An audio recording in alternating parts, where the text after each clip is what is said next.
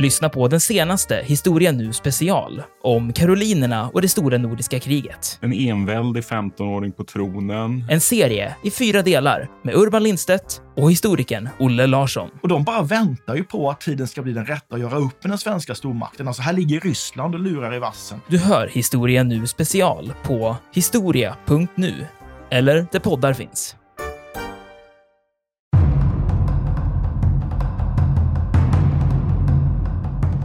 Finland är ju unikt när det gäller krigföring, att man ju alltid tar hem sina stupade. Man anfaller till och med för att ta, hem, ta hem sina stupade. Och det är för att upprätthålla hemmafronten.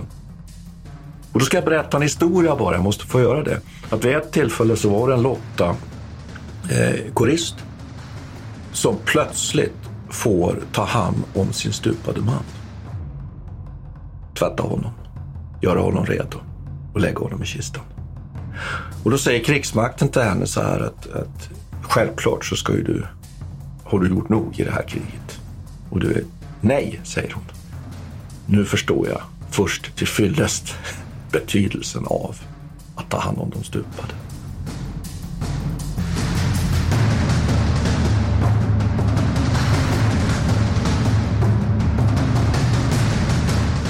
Militärhistoriepodden är podden om krig med människor och samhället i fokus. Programledare är Martin Hårdstedt, professor i historia vid Umeå universitet och Peter Bennesved, doktor i idéhistoria. Podden ges ut av förlaget Historiska Media. Stöd gärna MH-podden via vårt swishnummer 123 610 76 68.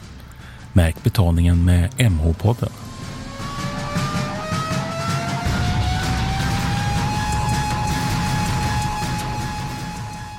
Okej, välkomna till Militärhistoriepodden. Det här är Peter Bennesved.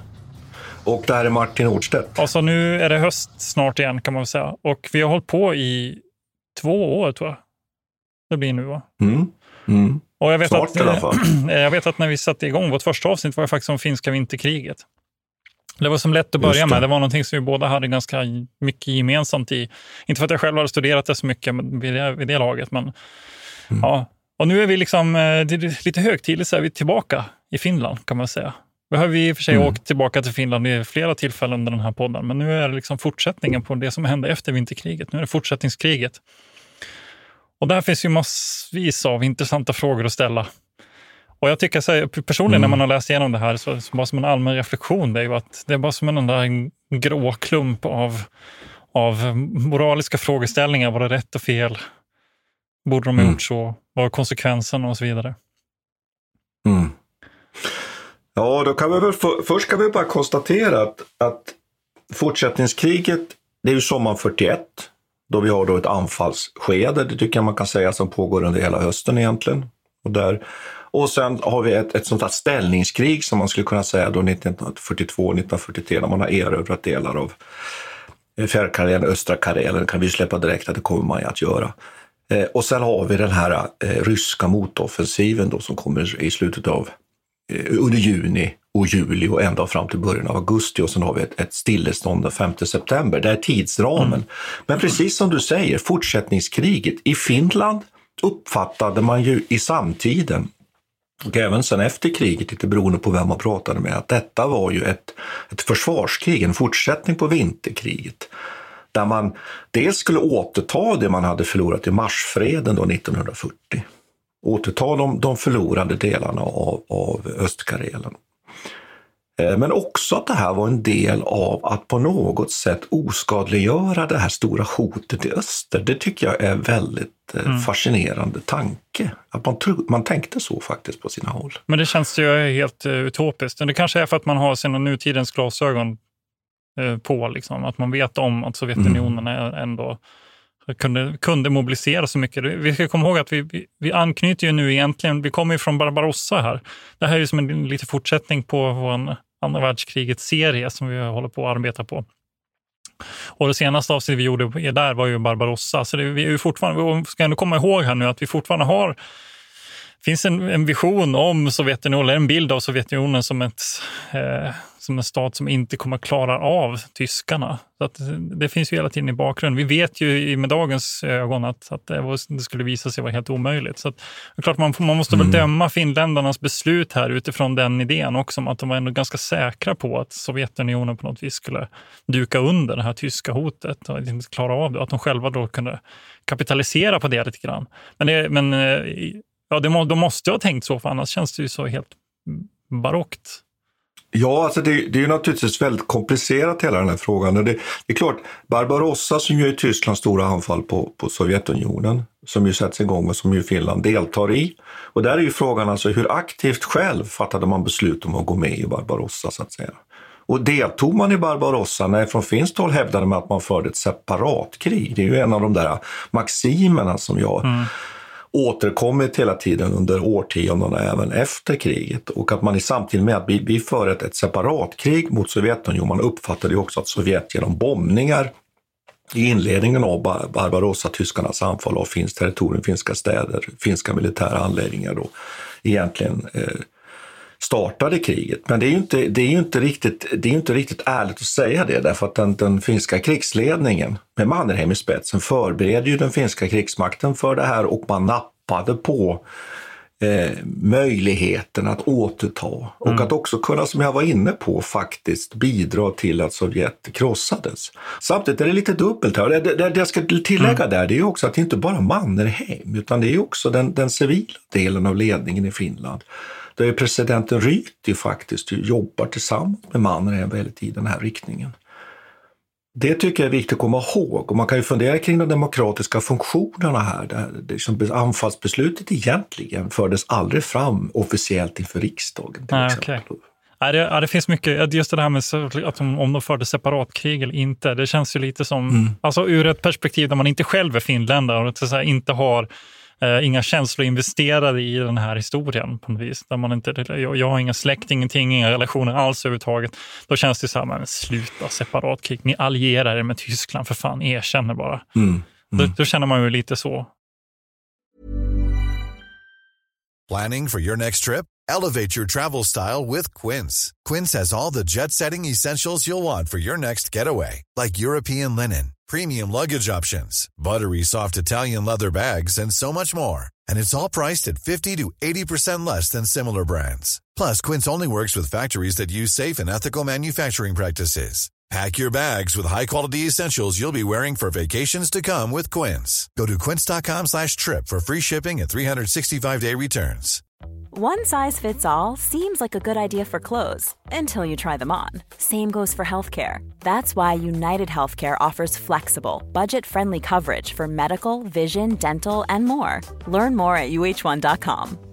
Quality sleep is essential. That's why the Sleep Number Smart Bed is designed for your ever-evolving sleep needs. Need a bed that's firmer or softer on either side? Helps you sleep at a comfortable temperature? Sleep Number smart beds let you individualize your comfort so you sleep better together. JD Power ranks Sleep Number number 1 in customer satisfaction with mattresses purchased in-store. And now, save 50% on the Sleep Number limited edition smart bed for a limited time. For JD Power 2023 award information, visit jdpower.com/awards. Only at a Sleep Number store or sleepnumber.com. Historikernas slutsats är ju den också. Att det naturligtvis handlade om en, en, ett vapenbrödraskap och en, en, så långt man kan tänka sig nära en, en militär allians. Soldaten på fältet som slogs i kriget, jag har ju till och med min, min sambos farfar som var eh, chefland från bombeskador under kriget och även så vidare, gick vidare upp i, i hierarkierna. Kalle Kepsu, han tänkte säkert inte så mycket på de här politiska frågorna utan han gjorde sitt jobb och såg Sovjet som, som en, en, en motståndare. Men flög han tillsammans eh, med tyskarna också vid något tillfälle? Eller? Ja, då, så de jobbade och samarbetade med tyskarna. De hade ju säkert, utan att jag egentligen riktigt vet, men övertygade om eh, eh, tysk jakteskort ibland och så vidare. Man flög ju blindhandbombare fram, framförallt under, under kriget. Och I sommar som av en händelse faktiskt besökte ett av de flygfält vid, vid Peksamäki där han faktiskt opererade från under fortsättningskriget. Och det är klart att där på, på, på, på marken så såg man på ett annat sätt. Och, och mm. tittar vi till exempel på Väinö Lindas Okänd soldat, det har säkert alla lyssnare sett den filmen om ni är militärhistoriskt intresserade, så ett tema är ju där just att man funderar inte så mycket kring de där stora sakerna. Man funderar mest att, att återta, ja. återta de här områdena och, och den här Rocka som är oppositionell dessutom mot officerarna. Han säger att jag är liksom jag gör inte vad som helst för er högre herrar. Eh, men däremot, jag, jag liksom, det får räcka med att jag ställer upp och Den är ju intressant den där. Jag har inte personligen läst boken, men vad jag, får, eh, vad jag förstår av när jag läst om den så att säga och, mm. och eh, militärhistoriska tolkningar av den så ligger den ju i linje med med de här på västfronten, inte ett nytt och den där typen av litteratur som mm. de har kommit. Mm. Och det, det, är ju i sig intressant för då betyder det också att man hela tiden behåller soldatperspektivet och inte bry, aktivt inte bryr sig så mycket om politiken runt omkring sentida tolkningar, eh, vad jag förstår, jag har inte läst av. Jag läste en artikel av Ville Kivimäki och han diskuterade den där bilden av just eh, okänd soldat och så. Att, eh, att tolkningen lite längre fram i tiden har blivit lite mer patriotisk och lite mer nationalistiskt mm. lagd. Att mm. man har liksom lite grann försökt lämna det där. Och det är intressant att det, och det är fortfarande kontroversiellt. Jag vet att när filmen kom, som du just nämnde, den nya nytolkningen, så var det väl eh, rätt mycket skriverier om det, i alla fall i Finland. Ja, och jag tror att det handlar mycket om att man där var ute, ute efter den här våldsheroiseringen. Och just den här Rocka som ju är den här, mm. här hjälten i den här filmen, som ju ändå egentligen av de eh, huvudfigurerna som ju överlever, eh, som egentligen enda som överlever kriget i alla fall. Det är ju, det är ju en finger, fiktiv berättelse han framstår ju då med sitt liksom, eh, som, som effektiv krigare då på, ett sätt, på, på något sätt som en negativ förebild menade man ju då. Men jag tycker att Väinö det finns mycket att säga om Väinö roman, men den, den är också så, så, så otroligt avancerat upplagd, för där, där deltar ju representanter liksom från alla delar av Finland i det här kompaniet. Det får, och det han, klä, och det, det han markerade med att de får prata sitt eget modersmål, sin dialekt. Eh, och det gör ju att det blir ju liksom en, ett koncentrat av hela Finland som finns med i det här då kulsprutekompaniet. Som en nationalepos. Ja, kan man säga. Och där till exempel då den här eh, lågmälda, lugna, lugna eh, eh, eh löjtnanten, unga löjtnant, först Fänriken, löjtnant eh, eh, Keskola då, eh, är ju den här förebilden då för många unga officerare. Bland annat mig själv faktiskt, måste jag säga. Just att hans, hans eh, oerhört eh, lugna sätt att leda den här truppen, förtroende för lågmälda. Då. Så att det finns mycket att ta upp i den där. Mm. Och den blev ju naturligtvis ett sätt att bearbeta det här kriget utan att behöva egentligen ta tag i de där riktigt stora politiska frågorna vi var inne på, som vi kanske ska återvända till. Mm. För det faktum är ju att man, man deltar ju och är en del av det tyska anfallet på Sovjet. Och då kanske vi ska ha en liten en geografilektion här, tänkte jag lite. Ja, det, det kanske kan vara på sin, ja, jag, skulle, jag att jag också skulle plats.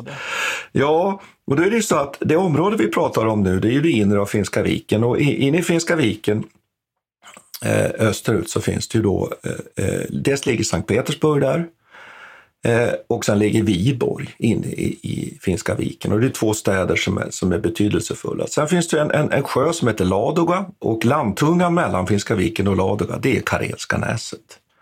Och sen finns det ytterligare en sjö lite längre nordöst eh, hur, eh, hur, man liksom räknar eller norrut som heter Onega och där ligger en stad som heter Petrosavodsk.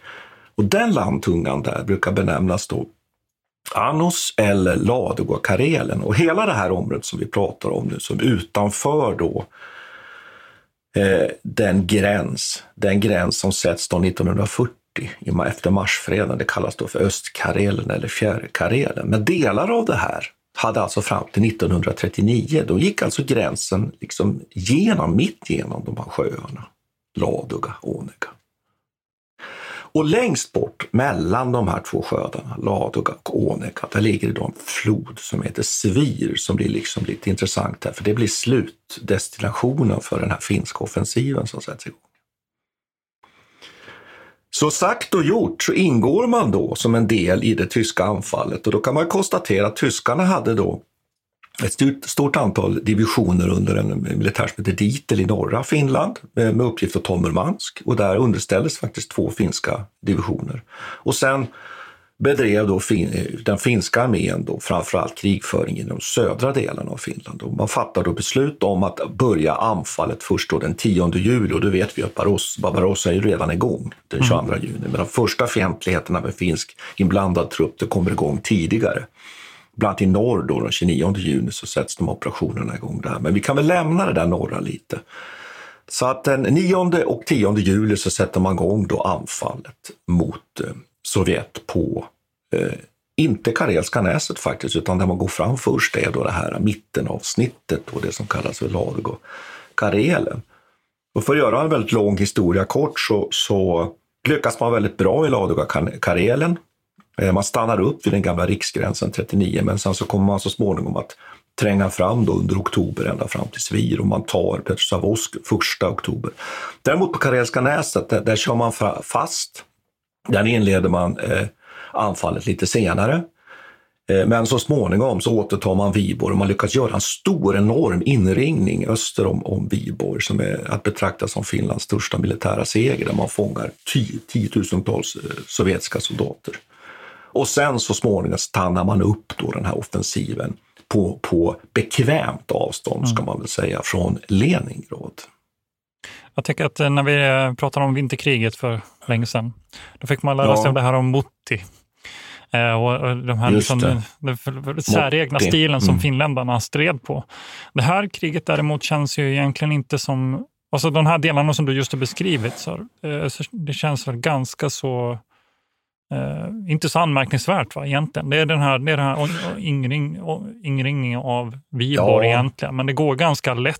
De har väl rätt mycket förlust i och för sig, va? Men, men motståndet är inte särskilt stort. va? Nej, finnarna har överlägsenheten, mm. numerärt överlägsenhet. Man pratar faktiskt om 4-1, 3-1 eh, på de här frontavsnitten. Och det är ju därför att Sovjet har varit tvungna att flytta undan eh, trupper från det här avsnittet för att hålla tyskarna stången. Och det ska vi ju vara medvetna om. Här. Samtidigt så är ju Sovjetarmén under, under kollaps egentligen vid den här tiden. Eh, och tyskarna eh, meddelar ju Finland att vi, vi tar ansvar för att ta Leningrad. Men de pockar ju på och vill ju att finnarna ska mm. gå närmre Leningrad mm. och faktiskt också under perioder vill att de direkt ska vara med och ta Leningrad. Och det där är ju en intressant fråga varför där är Mannerheim stenhård. Det är också mm. därför som Mannerheim faktiskt startar, stoppar upp den här första offensiven vid den gamla riksgränsen där i, mellan Onega och Ladoga först. För man tvekar från finsk sida ju att gå över den där riksgränsen och det är ju självklart därför man är ju rädd för att det kommer att få konsekvenser. Sen slutligen bestämmer man sig för att gå fram till Svir. Mm. Och det som står på eh, spel här är ju att Mannerheim inser ju då att om man på något vis attackerar Leningrad Eh, eller Sankt Petersburg som det numera heter, så är det ju ändå på något vis bekräftar man ju också Sovjetunionens rädslor för just det här området, just den orsaken till att man vill säkra Karelska näset. Så det är därför det här, det är, Mannerheim är ju smart strategiskt här, att han försöker hålla sig till Fjärrkarelen istället och, och mm. vill genomföra ett slags byte, ett strategiskt byte här. Okej, okay, ni får säkra Karelska näset, vi släpper det. Eh, men i utbyte vill vi ha fjärrkarelen egentligen. Det är väl det som är så, så här, Mannheims mål, om, som jag förstått det rätt, med, med den här. Och, och delvis mm. antar jag att det här är väl någon idé som måste ha mognat lite grann eftersom, då, eftersom det sker en viss tveksamhet där. Ja, och, och, att man, han ju också inser att det inte är bra att ta Leningrad. Och, och jag ja. kan kommentera direkt det där du säger, att det är precis det Sovjet säger till, till Finland sen under fredsförhandlingarna mm. så småningom 44. Att ja men titta, vi hade ju rätt. Vi, vi måste ju se till att ha en geografisk buffert mm. till Leningrad, helt uppenbart. Nu försökte ni ju igen, om man säger så. Så att, men man kan väl säga att i december där så har man fastnat och det är intressant att den där svirlinjen där, den är inte särskilt bra militärt egentligen. Utan det hade egentligen varit bättre att ha en, en bakre, och det kan vi ha anledning att komma tillbaka till, vi ska diskutera den sista fasen av fortsättningskriget. Så att egentligen var den både politiskt dum därför att den, den, den skapade ju ett, en, en ett problematik i och med att man tog ett territorium som inte var finskt före 1939. Det ena och det andra var att man militärt inte heller egentligen placerade sig särskilt väl. Ska vi också nämna någonting det här om Dorpatfreden, kommer jag att tänka på nu, för det finns ju ett också historiskt ja. skäl, det finns en historisk bakgrund här till varför man också är intresserad av fjällkarelen, det är ju att det bor många finländare, någon slags finländska karelare får man väl kalla dem kanske. Och, och, det, och det här området har ju tidigare tillhört det som var gamla Finland, så att säga. Men de har förlorat detta i Dorpatfreden 1920. Så att det finns ju också mm. det skälet. Det är inte bara att man försöker så roffa åt sig eh, land, så att säga, utan det finns också någon slags, eh, enligt de nationalist, den här nationalistprincipen, att det folket, språket de talar, och kulturen de tillhör, ska de, också, de ska också tillhöra det landet. Så alltså man har också ett slags, ett slags kulturellt ideologiskt motiv i bakgrunden till varför man ska som man då försöker beskriva, att man ska undsätta fjärrkarelen. Mm. Och man, man kan, ja, vill du kommentera på det? Man kan väl följa med för att vara lite exakt, där kan man väl säga att man ju precis som du säger, i Dorpatfreden så är man ganska framgångsrik. För Sovjet är ju så under under press då, det går dåligt i kriget i Polen och så vidare. Så Sovjet går ju med på att bland annat lämna ifrån sig områden uppe i norr vid Petsamo. Men, men det man saknar, precis som du säger, då, eh, det är att man blir av med ett antal socknader som liksom traditionellt har tillhört det som tidigare var storfurstendömet Finland.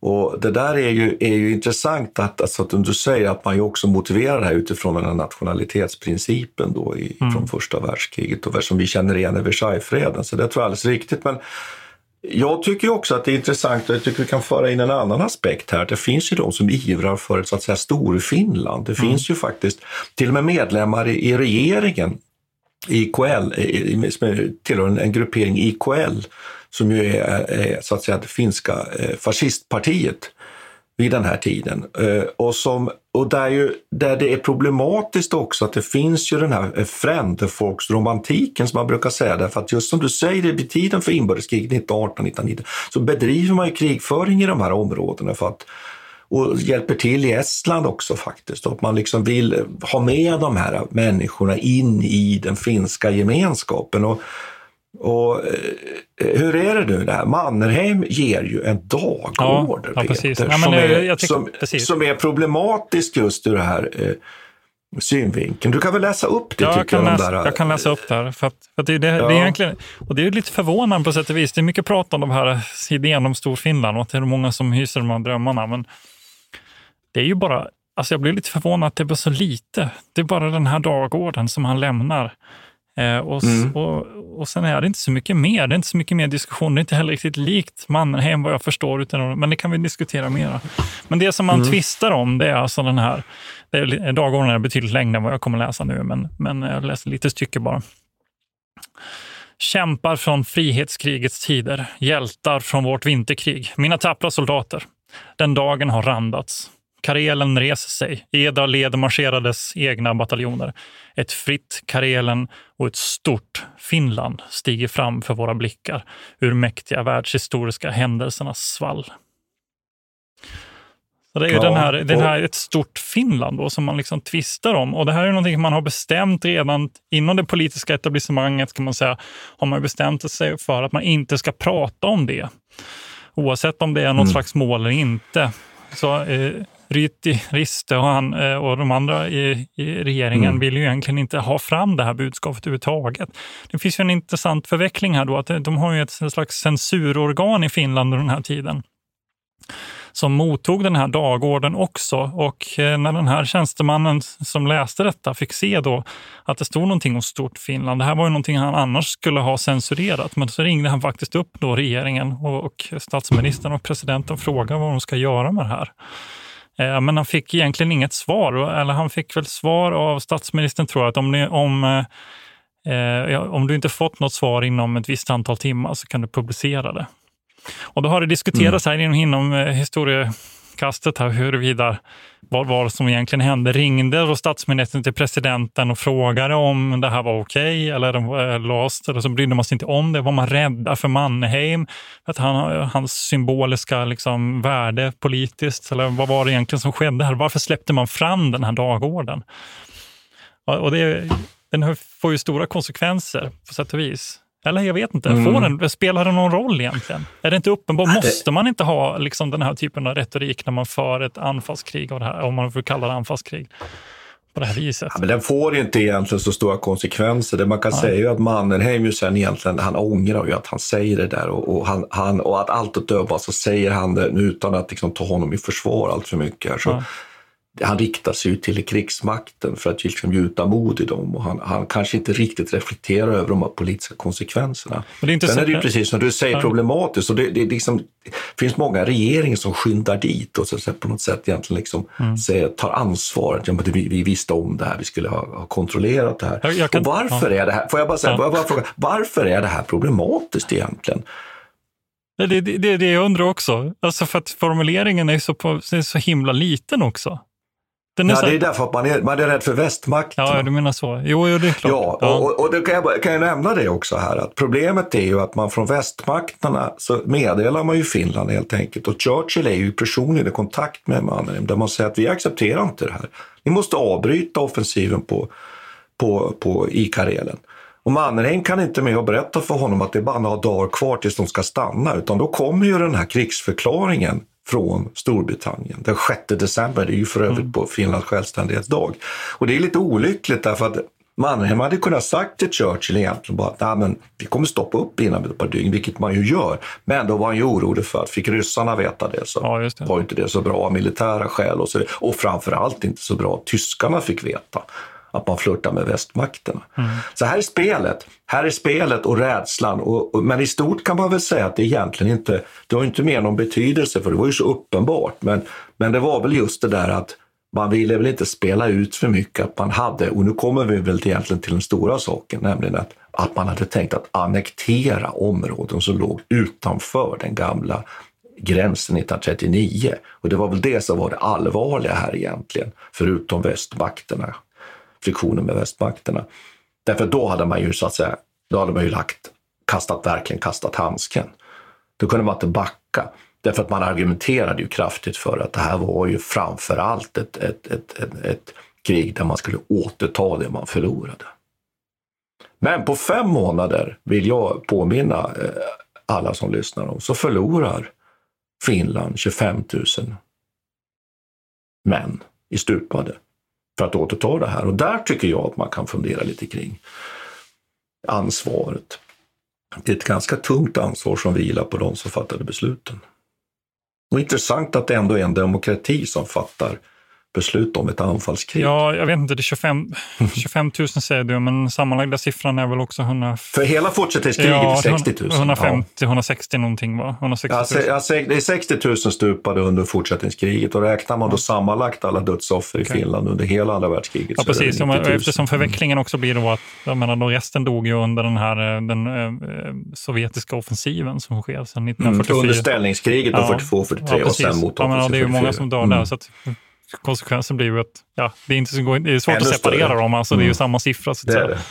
Nej, men det, Mm. det, och det är klart. Men det hade, hade det varit annorlunda om man hade stannat till 39?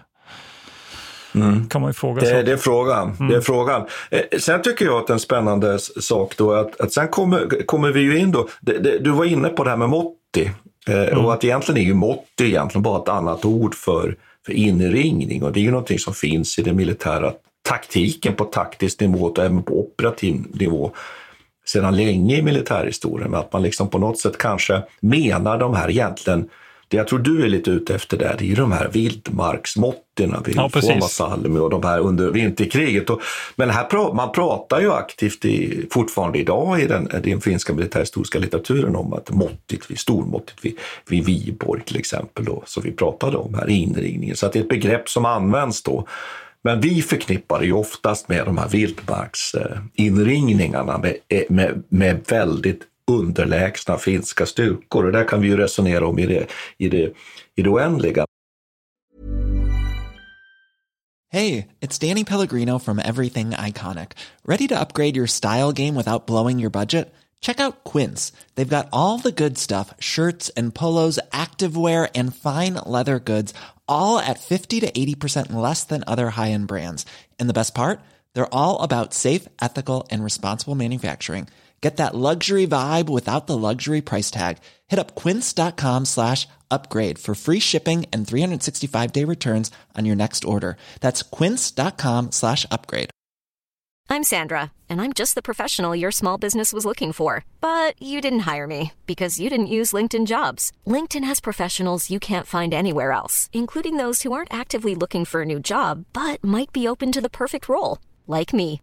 In a given month, over 70% of LinkedIn users don't visit other leading job sites. So if you're not looking on LinkedIn, you'll miss out on great candidates like Sandra. Start hiring professionals like a professional. Post your free job on linkedin.com/people today. Quality sleep is essential. That's why the Sleep Number Smart Bed is designed for your ever-evolving sleep needs. Need a bed that's firmer or softer on either side? Helps you sleep at a comfortable temperature? Sleep Number Smart Beds let you individualize your comfort so you sleep better together. JD Power ranks Sleep Number number 1 in customer satisfaction with mattresses purchased in-store. And now, save 50% on the Sleep Number limited edition Smart Bed for a limited time. For JD Power 2023 award information, visit jdpower.com/awards. Only at a Sleep Number store or sleepnumber.com. En annan fråga, ja, som, jag tänkte, som jag tänkte kasta ur Ja, mig lite här nu och fråga, så är det så här att Finland bedriver ett totalt krig nu under fortsättningskriget? Mm. Ja, det Hur är det med det? Man skriver ju ut, vad är det, 14 procent av, av befolkningen? ja, precis. 14 eller 16 har jag också läst någon annanstans. Ja, det är klart, det, det, beror på lite... Ja, den där frågan är ju intressant då, för att, för att det här är ju någonting som jag själv har studerat och som du också är intresserad av. Och som, att just under den här tiden är ju präglar väldigt mycket de här idéerna om vad, vad ett totalt krig innebär. Och på no, i någon mening så bedriver man ju det. Att den, den, hela den finländska liksom, eh, vad ska man säga, civila apparaten också arbetar för det här kriget givetvis. Men det är ju ett väldigt begränsat, eh, alltså de civila, den totala siffran är väl, landar väl runt 2500 personer tror jag, med både vinterkriget och jag minns inte exakt de här siffrorna nu då, men, men det är där någon, det är ett par tusen i alla fall av civila som drabbas genom luftbombningar och annat. Och, och det är ju väldigt lite i jämförelse med hur, hur det ser ut i många andra europeiska länder. Så er, och det är ju intressant, där det finns det här ordspråket, eller inte ordspråket, men det här uttrycket att det var bara tre storstäder som klarade sig från att bli ockuperade under andra världskriget. Det är ju eh, London, och Helsingfors och Moskva. Att, och det säger ju någonting, ni vet, det är ju lite sanning med modifikation då. Stockholm blev, blev inte heller, men det var neutralt i och för sig, jag var inte med i krigföringen. Ja, Stockholm klarar sig faktiskt Stockholm bättre. klarar sig- Det klarar sig bra faktiskt. Fantastiskt. Ja, fantastiskt. o- Oerhörd insats från svenska militären. Ja. Men, men, eh, så det finns ju någonting eh, intressant i det att just det finländska kriget, både vinterkriget egentligen, även om jag vet att vi diskuterar ganska mycket om de här bombningarna över Helsingfors och så, är ju ett krig som egentligen är ganska avskärmat. Alltså det, det förs ut i de här gränsområdena och det är militärer som åker dit, det är soldater, män som åker dit. Det finns Lottas världsorganisationen där också förstås eh, och andra liksom hjälporganisationer och så, men det är en ganska de kommer också lindrigt undan, även om den här, nu har vi inte pratat om freden än, men, men eh, jag menar, det är ju, in- fin, den finska armén blir ju inte internerad i några eh, läger eller någonting annat, utan de bara demobiliseras egentligen för att åka hem. Och det är ju också någonting unikt. Så det, det händer ju inte i Tyskland till exempel. Där ser det ju väldigt annorlunda ut. Och sen är det ju också så att den finska statsapparaten blir ju inte, den är ju, hålls ju intakt. Man har ju samma liksom, parlamentariska system före som efter den här perioden. Vilket också är väldigt annorlunda. Mm. Man, många andra stater dukar ju under totalt. Va? Blir totalt ockuperade och man bygger om hela det parlamentariska systemet och inför kommunistdiktatur eller vad det nu är. Va? Men Finland klarar ju sig på något vis. Det blir, ja, det blir mer som en eh, jag vet inte vad man ska kalla det, men det, det är ju annorlunda på det viset. Mm. Mm, jag, jag, och det kan man väl säga att, att, att min, min kollega då, Henrik Menander i Helsingfors, som ju är den stora auktoriteten egentligen på, på andra världskriget, skulle jag vilja påstå. Han, han, det är ju hans lite tes det där, att Finland har inte riktigt den där totala krigsupplevelsen just på grund av att man har så få civila offer. Mot det där skulle man ju ändå kunna säga att man mobiliserar ju Finland extremt. Dels var vi inne på andelen av befolkningen. Det finns inget land som, som är så mycket i strid, om man uttrycker sig så, bland den manliga befolkningen. Eh, det är dessutom så att man ju mobiliserar kvinnorna i stor utsträckning. Lottakåren har du nämnt. De finns vid fronten, de finns hemma. De, kvinnor sätts in i industrin i mycket, mycket, mycket stor utsträckning. Och där skulle man ju kunna prata om en mobilisering av samhället. Man skickar iväg, man skickar iväg tiotusentals barn till Sverige för att rädda dem undan kriget. Eh, det skulle man också kunna peka på en del liksom, av det här, den här civila samhällsinvolvering i kriget. Sen skulle jag vilja nämna en annan sak som jag tycker är spännande som kanske lite inte riktigt har med det här att göra, men som ändå är Finland är ju unikt när det gäller krigföring, att man ju alltid tar hem sina stupade. Man anfaller till och med för att ta hem, ta hem sina stupade. Och det är för att upprätthålla hemmafronten. Och när de här stupade kom, de kunde vara frusna lik. Då tinades de upp, de tvättades. De snyggades till, det sattes på en vit skjorta, de skickades hem i en, i en snygg träkista. Och sen begravdes de samlat på ja de här hjältegravplatserna, varav jag såg ett antal i sommar. Väldigt gripande måste jag säga. Och där de ligger alla de här soldaterna med datum när de har stupat. Och då ska jag berätta en historia bara, jag måste få göra det. Att vid ett tillfälle så var det en Lotta eh, korist som plötsligt får ta hand om sin stupade man. Tvätta honom, göra honom redo och lägga honom i kistan. Och då säger krigsmakten till henne så här att, att självklart så ska ju du, har du gjort nog i det här kriget. Och du är, nej, säger hon. Nu förstår jag först till fyllest betydelsen av att ta hand om de stupade. Mm. Det är en liten fin berättelse. Mm. Men det säger någonting, tycker jag, om, kanske som ett motargument mot det där, att det här ändå handlar om att hela mm. samhället involveras i det här kriget. Alltså, jag kan inte låta bli att tycka att det är väldigt ironiskt att du sitter och pratar om de här grejerna, för det här är ju sånt typiskt sånt jag brukar... Att jag försvarar ja, det ja, civila. Nej, men, äh, Nej, försvara, försvara. Alltså, de här sakerna som jag sa, det kommer direkt, Lyfter från, fram, ja. det kommer direkt från Ville Kivimäki, så jag skyller på honom. En känd historiker i Finland. Ja. Nej, men jag tyckte det var ett intressant argument. Så här, men det är på, på, Anna, jag håller givetvis med dig. Va? Det, det är klart att mm. eh, om man, det, man måste sträcka ut det här begreppet vad totalkrig vad det betyder och vad det innebär. Och det, ju, finns ju egentligen ingen klar definition av det. Bara mm. kollar man på det mm. rent militära så har ju Meinander rätt då, tycker jag. Men, men om man, man måste givetvis liksom dra ut det. Så är det ju. Och jag menar, och vi, vi har inte pratat pratat om det ideologiska bakgrunden också. Det är ju tydligt här att Finland är på något vis enat bakom det här. Det finns ju inte några, i alla fall som har kommit fram, några stora eh, inbördes eh, politiska konflikter om det här kriget mer än att det ska bedrivas. Och sen så, sen så eh, tvistar man givetvis om hur man ska dra sig ur det sen mot slutet. Här, men, men det finns ju ändå en enighet mm. i Finland eh, kring det här, både vinterkriget och fortsättningskriget som är också en del mm. av den allmänna militariseringen, också en del av det här som vi brukar kalla för totalt krig. Så absolut är det ju totalt krig i någon mening.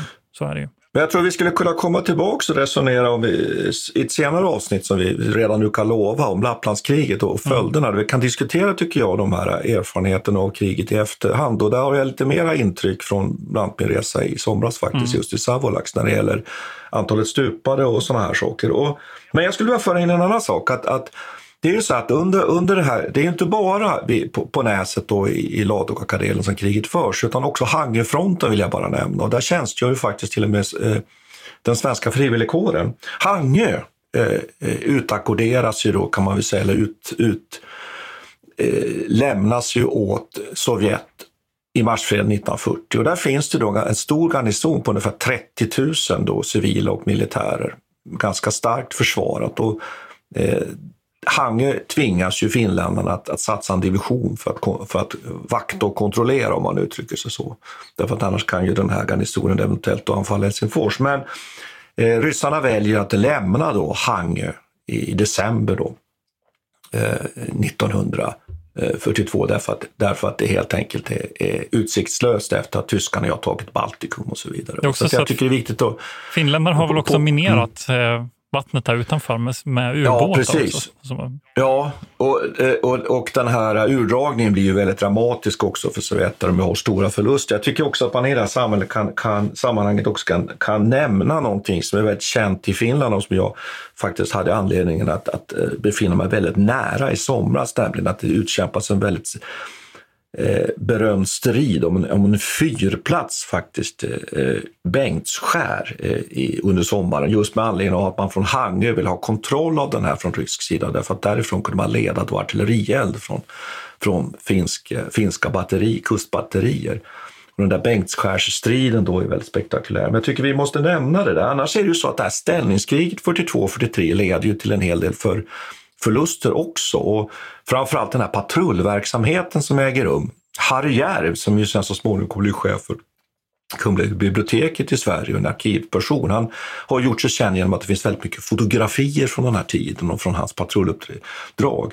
Så det är liksom ett väldigt klassiskt skeende i det här kriget. Annars kan vi väl säga det att, att Finländarna gör inte så mycket under den här perioden om man ska vara lite elak. Ja. Eller de gör inte tillräckligt. Ja, men jag håller inte med dig om det. Alltså, jag tycker, Okej. ja, men man, är- man är ju, han är ju en visionär på ett sätt här då, att han inser ju tidigt att, att eh, sysslolösa soldater är ju eh, dåliga soldater. Så att jag, jag tyckte Mm. det var intressant här att de, det de sätter igång med är ju en slags utbildningsverksamhet. Sen hur extensiv den var, va? hur lyckad den Mm, var, det, mm. det förtäljer inte källorna kanske. Alltså, det möjligtvis att du har rätt ändå, jag vet inte. Men det finns ändå en ambition här som jag tyckte var rätt intressant, va? att man inser att ja, okej, det här kommer ta tid. Så man skickar ut och, och en slags, eh, ja, dels underhållning, alltså teatergrupper som åker runt, musikgrupper som, Ja, som, ja, som ja, patrullerar runt mm. fram och tillbaka då, och underhåller soldaterna. Man skickar ut boklådor, tycker jag är fint, bildande, mycket ambitioner. och, och, och sen är det också det här med utbildningen. Alltså man i princip arrangerar vuxenutbildningen och så ser man till att personer som finns där som kan någonting, och, ja, som kanske lite äldre, Mm. som har erfarenheter, de får hålla då någon slags eh, kurser för de andra soldaterna. Så det är många som, kom, som faktiskt kommer hem med någon slags ja, eh, hemmasnickrad eh, yrkesutbildning kan man väl säga. Att de lär sig att snickra, eller de lär sig att eh, eh, meka eller vad det nu kan vara. Jag antar det är klassiska manliga typer av eh, yrken, hantverksyrken och annat. Intressant, men det säger ju också någonting, en, ett problem som sen eh, vi också ställs inför. Det att de här soldaterna som ligger här, det, är många, det kommer nya årskullar in i den här Ja, de ställningskriget. byter ju ut veteranerna Ja. som du säger. Eh, Mm. Och de är ju inte lika luttrade alltid som de här Nej. föregående grupperna har varit. Så det Mm. händer ju någonting nu när, när vi kommer till eh, ett senare skede när Moskva börjar reagera på det här. Mm. Det jag menade var ju att man inte byggde ut försvarsställningarna till. Ja, just det. Så, ja. Men jag håller med dem och det här är jätteintressant. Vi skulle kunna fördjupa oss ännu mer om det här, den här Ja. perioden där man också inför militärförvaltning i de här områdena. Och Petrozavodsk man byter namn på, Anneslin och man störtar ner Stalin, eh, Lenin-statyn och sätter upp en fältkanon Jo, man sätter igång skolor och drar in Ja. finsk eh, liksom, kurslitteratur och grejer. Alltså, det är väldigt så här, eh, det sker Jo. en slags för, förfinskning av, av fjärrkarelen under de här två åren. Som, Men Ja. problemet är ju att så småningom så ställs man ju inför att Sovjet börjat ladda upp. Och här, här är vi nu inne på ett av de stora diskussionsämnena ju i det här krigets historia, nämligen varför vaknar man inte tidigare? Varför ser inte Mannerheim och ansvariga den här sovjetiska uppladdningen? När den då så småningom ju faktiskt briserar. Mm. Och där är, där är ju eh, när anfallet väl kommer. Och då är man så att säga väldigt dåligt förberedd och att man ligger för långt fram i ett, som jag var inne på här, i ett område som inte är så taktiskt lätt att försvara. Där till och med ju genombrotten själv så småningom sker på avsnitt där liksom fronten går, försvarslinjen går över öppna fält där, där egentligen Sovjetarmén bara egentligen kan rulla över med sitt, Mm. med sitt pansar. Och där kan man ju diskutera i, i, det, i det oändliga då. Men, men eh, Men vilket ansvar hade då Mannerheim? Vad fanns det för problem? Därför det som sker då sen här, det är ju så att anfallet inleds och sätts igång då eh, eh, 9 juni. Och sen eh, är det framförallt då så att det första riktigt sovjetiska stöden kommer på Karelska näset. Sen följs det upp av en offensiv också då på den här så kallade svirfronten mellan Ladoga och eh, Onega. Eh, och man faller tillbaks då ganska snabbt då, eh, i, i Ladugårdskareten, något som liksom heter eh, VT-linjen som ligger då vid 30, eh, 39 års gräns och, och den bryts då 14 juni. Men det viktigaste egentligen i de här striderna, det är ju eh, fronten vid Karelska näsen där Viborg intas då redan 20 juni, bara ett par veckor efter anfallet. Och där man lyckas då den 22 till 25 juni vid Tienhaara, ett klassiskt, klassiskt eh, moment i fortsättningskrigets försvarsstriden 1944. Där nämligen IR 61, ett svenskspråkigt förband under Alpo Martinen lyckas stoppa upp faktiskt och kanalisera då det sovjetiska anfallet faktiskt åt ett annat håll och där man sen då i ett slag, skulle man kunna säga, tal i antal, som finns också beskrivet och skildrat i film, mellan den 25 juni och, ni- 9, 25 juni och 9 juli. lyckas liksom avvärja det här sovjetiska anfallet. Och det här begreppet, Peter, avvärjningsseger, mm.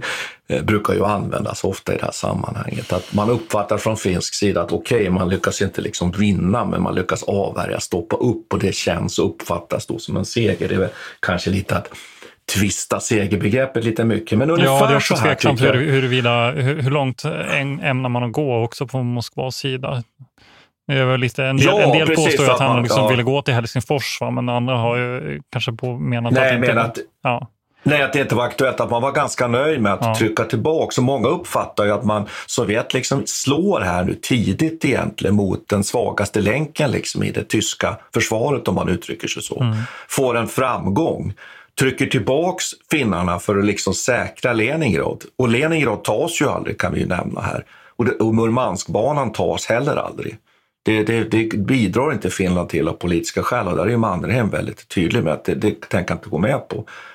Och sen när man har gjort det så kan man flytta truppen och använda dem framförallt där de ju behövs för, för anfallet mot fortsättningskriget mot Tyskland. Då. Men jag tycker att det är spännande. Jag vill bara avsluta med att säga att de sista striderna utkämpas sen vid Iljomats, alltså strax öster om Joensuu. Mm i början på augusti. Och, och, alla de här, de här, vad ska vi säga, kalla det för, där man faktiskt just gör mått på ett antal sovjetiska divisioner. Jag har varit på den där platsen också. Det, det är också oerhört fascinerande. Där var det mera fråga om vildmarkskrig igen faktiskt. Det är ju längre upp i, i Finland längs med gränsen. Men jag tycker att alla de här segrarna i alla fall, de bidrar ju på något sätt till att Sovjet åtminstone liksom tar bort det här kravet på villkorslös kapitulation. Mom deserves the best, and there's no better place to shop for Mother's Day than Whole Foods Market. They're your destination for unbeatable savings, from premium gifts to show-stopping flowers and irresistible desserts. Start by saving 33% with Prime on all body care and candles. Then get a 15-stem bunch of tulips for just $9.99 each with Prime. Round out Mom's menu with festive rosé, irresistible berry chantilly cake, and more special treats. Come celebrate Mother's Day at Whole Foods Market. Even when we're on a budget, we still deserve nice things. Quince is a place to scoop up stunning high-end goods for 50 to 80% less than similar brands. They have buttery soft cashmere sweaters starting at $50, luxurious Italian leather bags, and so much more. Plus, Quince only works with factories that use safe, ethical, and responsible manufacturing. Get the high-end goods you'll love without the high price tag with Quince. Go to quince.com/style for free shipping and 365-day returns. Men nu tycker jag vi ska komma och diskutera den här politiska frågan, ja, för det här är ju den ja, militära jag tycker katastrofen. Kan säga att en, ja. en, en, en, viktig orsak till att man faktiskt klarar eh, lyckas med den här avvärjningssegern, det är ju också att Tyskland mm. skickar dit eh, både trupper, de ja. skickar dit Stuka-plan, de skickar dit pansarvärns eh, vapen, vapen och allt mm. möjligt. Va? Och det är mm. tack vare, och vid det här skedet så strider man ju sida vid sida med tyskarna eh, mot mm. Sovjetunionen. Och det tycker jag är ganska avgörande. För hade de inte gjort det så hade det nog sett väldigt annorlunda ut.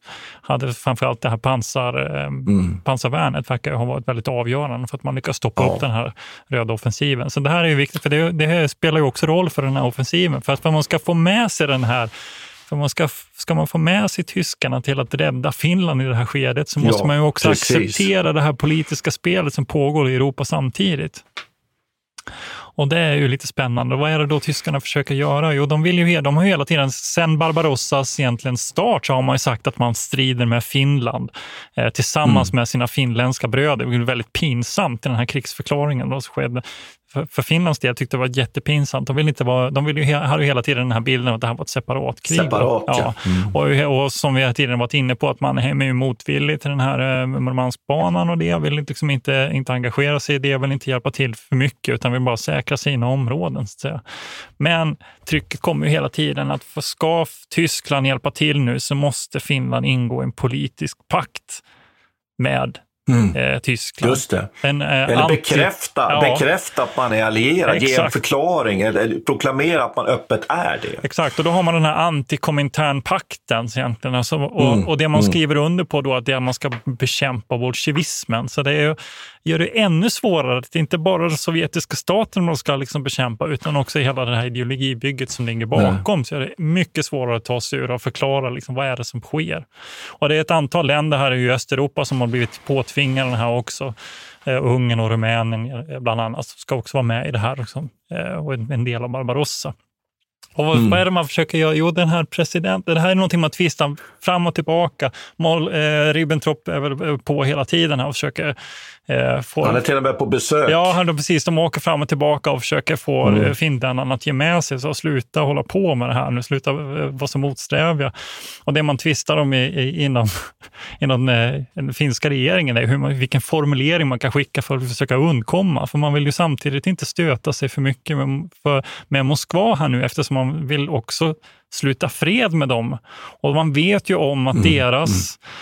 Och det är det här som är så omöjligt. Va? Moskvas fredskrav innebär ju bland annat att de måste utrymma alla tyska soldater på finsk mark. Så det betyder att de som har hjälpt dem måste man nu skicka ut ur Finland på ett väldigt dramatiskt sätt på väldigt kort tid. Eh, Moskva säger två veckor och det inser man att det är omöjligt.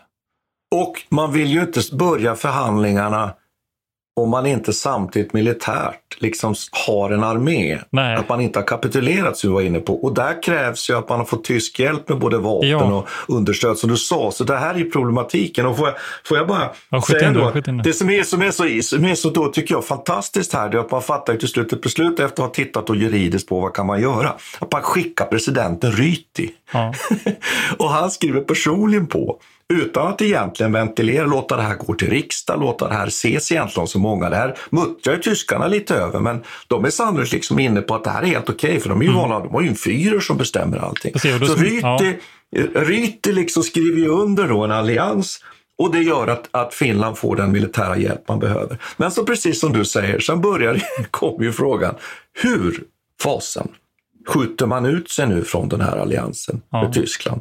Med hela det problemkomplex som du ju nämnde här. Precis, och då vill, jag, till, då vill jag tillägga också att Mannerheim fram Ja. till den här punkten egentligen, eller fram till ungefär 42-43 någon gång i mitten av 42, så börjar man ju Mm. inse att Tyskland kommer inte klara Sovjetunionen. För det, tidigare har det varit lättare att vara vapenbröder, även om det var pinsamt då, när man hela Mm. tiden, och Mannerheim är ju ganska säker på ändå att det här kommer Tyskland klara av. Man beundrar ju deras krigsmakt på ett sätt. Mm. Men nu är det ju tydligt att Tyskland kommer inte fixa detta. Nej, det inser ju Mannerheim och övriga också att Ja. det kommer de inte göra. Precis. Och, så, och det, är ju en, finns ju en intressant eh, episod när, när eh, Keitel, han eh, åker och träffar, träffar Mannerheim. Och Ja. de sitter och, de sitter och han ska lämna över, officiellt ska han lämna över en medalj till Mannerheim. Han är väldigt om, omtyckt i Tyskland och Hitler har ju Mm. själv faktiskt lunch. varit... Lunch. Så käkar lunch och sen så får, de en, eh, får han en, en medalj. Och, och Keitel sitter då och säger så här, trots att det är uppenbart för alla runt omkring att det här inte kommer att gå, så sitter han och säger så här, vi kan bedriva det här kriget i tio år till. Mm. Och Mannerheim bara, han är bara helt tyst. Han svarar inte Mm. ens. Nej. Alltså tänk dig den kylan i det rummet alltså. Här sitter Jo, en jo. av befälhavarna från, från tyska krigsmakten, en av de högsta, eh, också väldigt ansvarig för, för Barbarossa och sitter och säger detta. Och det är så uppenbart att det här är ett skenverk. Det finns ingen, liksom, de har tappat all förankring med verkligheten. Och det, det måste ju, ja, och hur ska man lösa det då? Jo, Nej, jag bara, jag bara säger att Mannerheim, man förklarar ju bara för Kite att vi, vi, vi, kommer, vi, vi lämnar nu Ja. eh, samarbetet med, och det här är 17 augusti 1944. Och, och det, är, det är ju ganska fantastiskt tycker jag, hela den här egentligen.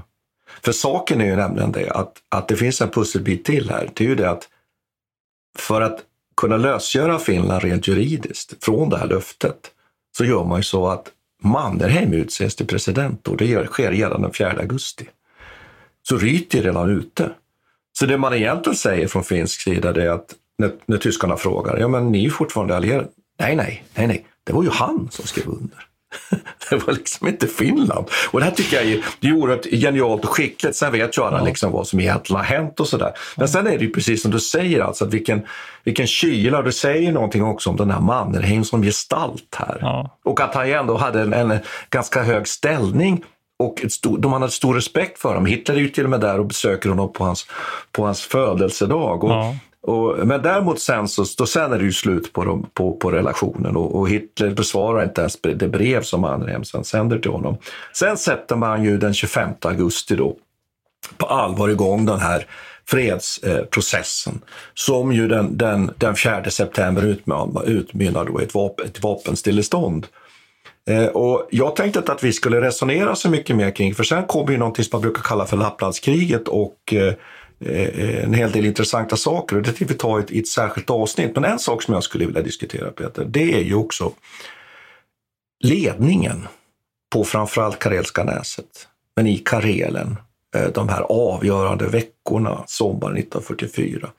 För där är ju, har ju Mannerheim i efterhand sen fått en hel del kritik, bland annat av, av den som ju fungerar som hans stabschef, då Heinrich, men också andra, hans generalkvartermästare. Och här tycker jag det finns några intressanta saker att, att ta upp. Varför klarar inte den här finska ledningen, högkvarteret, av den här ledningen? Vad är det som händer? Ja, det, dels kan man ju säga att Sovjetarmén var ju helt överlägsen. Det kan man ju konstatera naturligtvis. I alla fall i numerär. Ja, i numerär mm. var de ju det. Och det liksom kunde bara gå på ett sätt då. Men det är också många som säger att, att Mannerheim ju aldrig var eh, generalstabsutbildad. Han var definitivt inte utbildad i en, en västeuropeisk eh, tradition.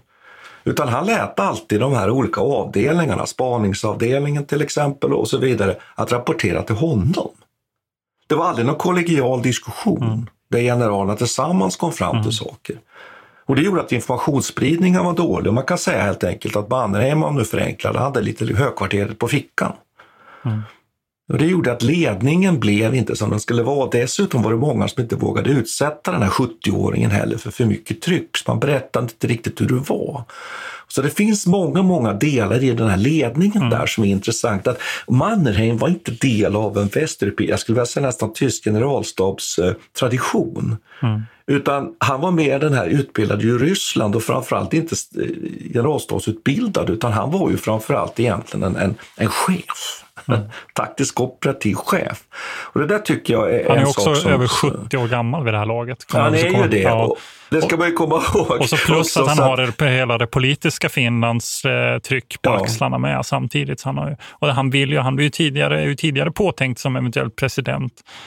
Men eh, han vill ju inte, eh, för att, för att han känner uppleva att han har för mycket att göra. Sen, sen måste jo. de ju lösa det här 1944 med att han blir utnämnd till president. Mm. Och, det, och, de, och det, även där är ju liksom, de frångår ju vissa eh, politiska principer. De har inget nyval till exempel, utan det är de gamla elektorerna från 1937 tror jag som får välja honom. Mm.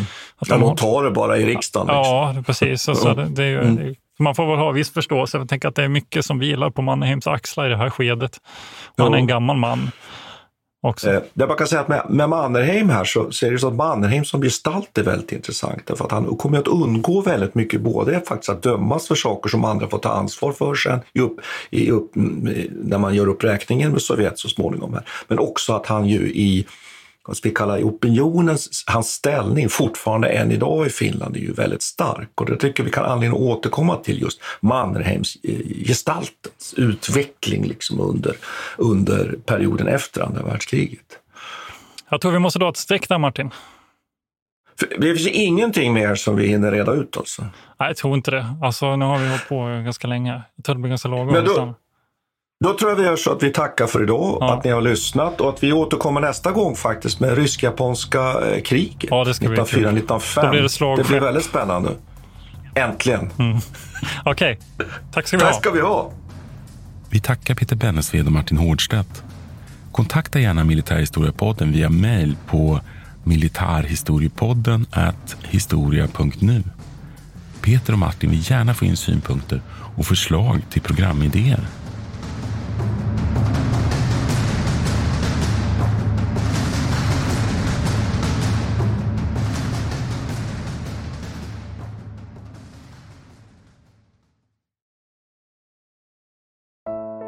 Iran har under 1900-talet genomgått tre omvälvande revolutioner som orienterat landet antingen mot västerlandets modell eller mot en auktoritär styrelseform. Idag pågår en social revolution i landet som vänder sig mot det islamistiska styret och vars anhängare har Europa och väst som förebilder. I en viktig bok ger idéhistorikern Mohammad Faslashemi en djupare förståelse för dagens dramatiska händelseutveckling. Iran mellan tre revolutioner är utgiven av förlaget Historiska Media. Beställ den fysiska boken på förlagets hemsida historiskamedia.se eller köp den i en bokhandel nära dig.